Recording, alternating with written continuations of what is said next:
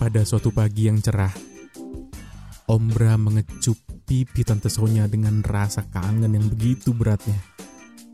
Sambil membereskan koper yang akan dibawa pergi karena ada tugas kantor yang mengharuskan Om Bram untuk bekerja di luar kota beberapa hari ke depan.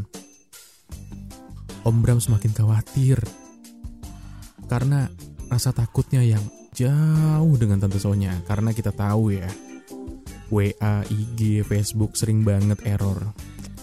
Jadinya komunikasi yang terputus membuat Om Bram semakin ketar-ketir dan pergilah Om Bram dengan pesawat. Tante Sonya sungguh kasihan. Di rumah yang besar, dia kesepian. Belum lagi internet indie crot yang semakin melambat koneksinya. Tetapi tidak dengan kepala si Hengki Sukoco.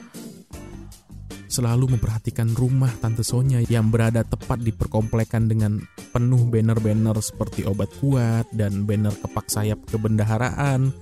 Maksudnya itu banner organisasi simpan pinjam ya karena kan banyak UMKM gitu. Nah, Hengki dengan setelan bajunya yang ketat seperti proses hukum warga kelas bawah dan celananya yang longgar seperti proses hukum PT-PT besar selalu memperhatikan Tante Sonya dari jauh dan tidak pernah lepas kelopak matanya itu. Hengki yang semi menggelenjang cepat-cepat masuk rumah Tante Sonya. Dengan sigap, Tante Sonya pun paham akan kode itu dan menutup pintu mempersilahkan Hengki masuk.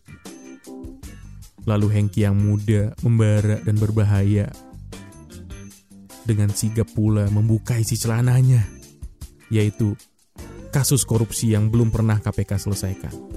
Luncur ke TKP. Siap, 86. So, bakso.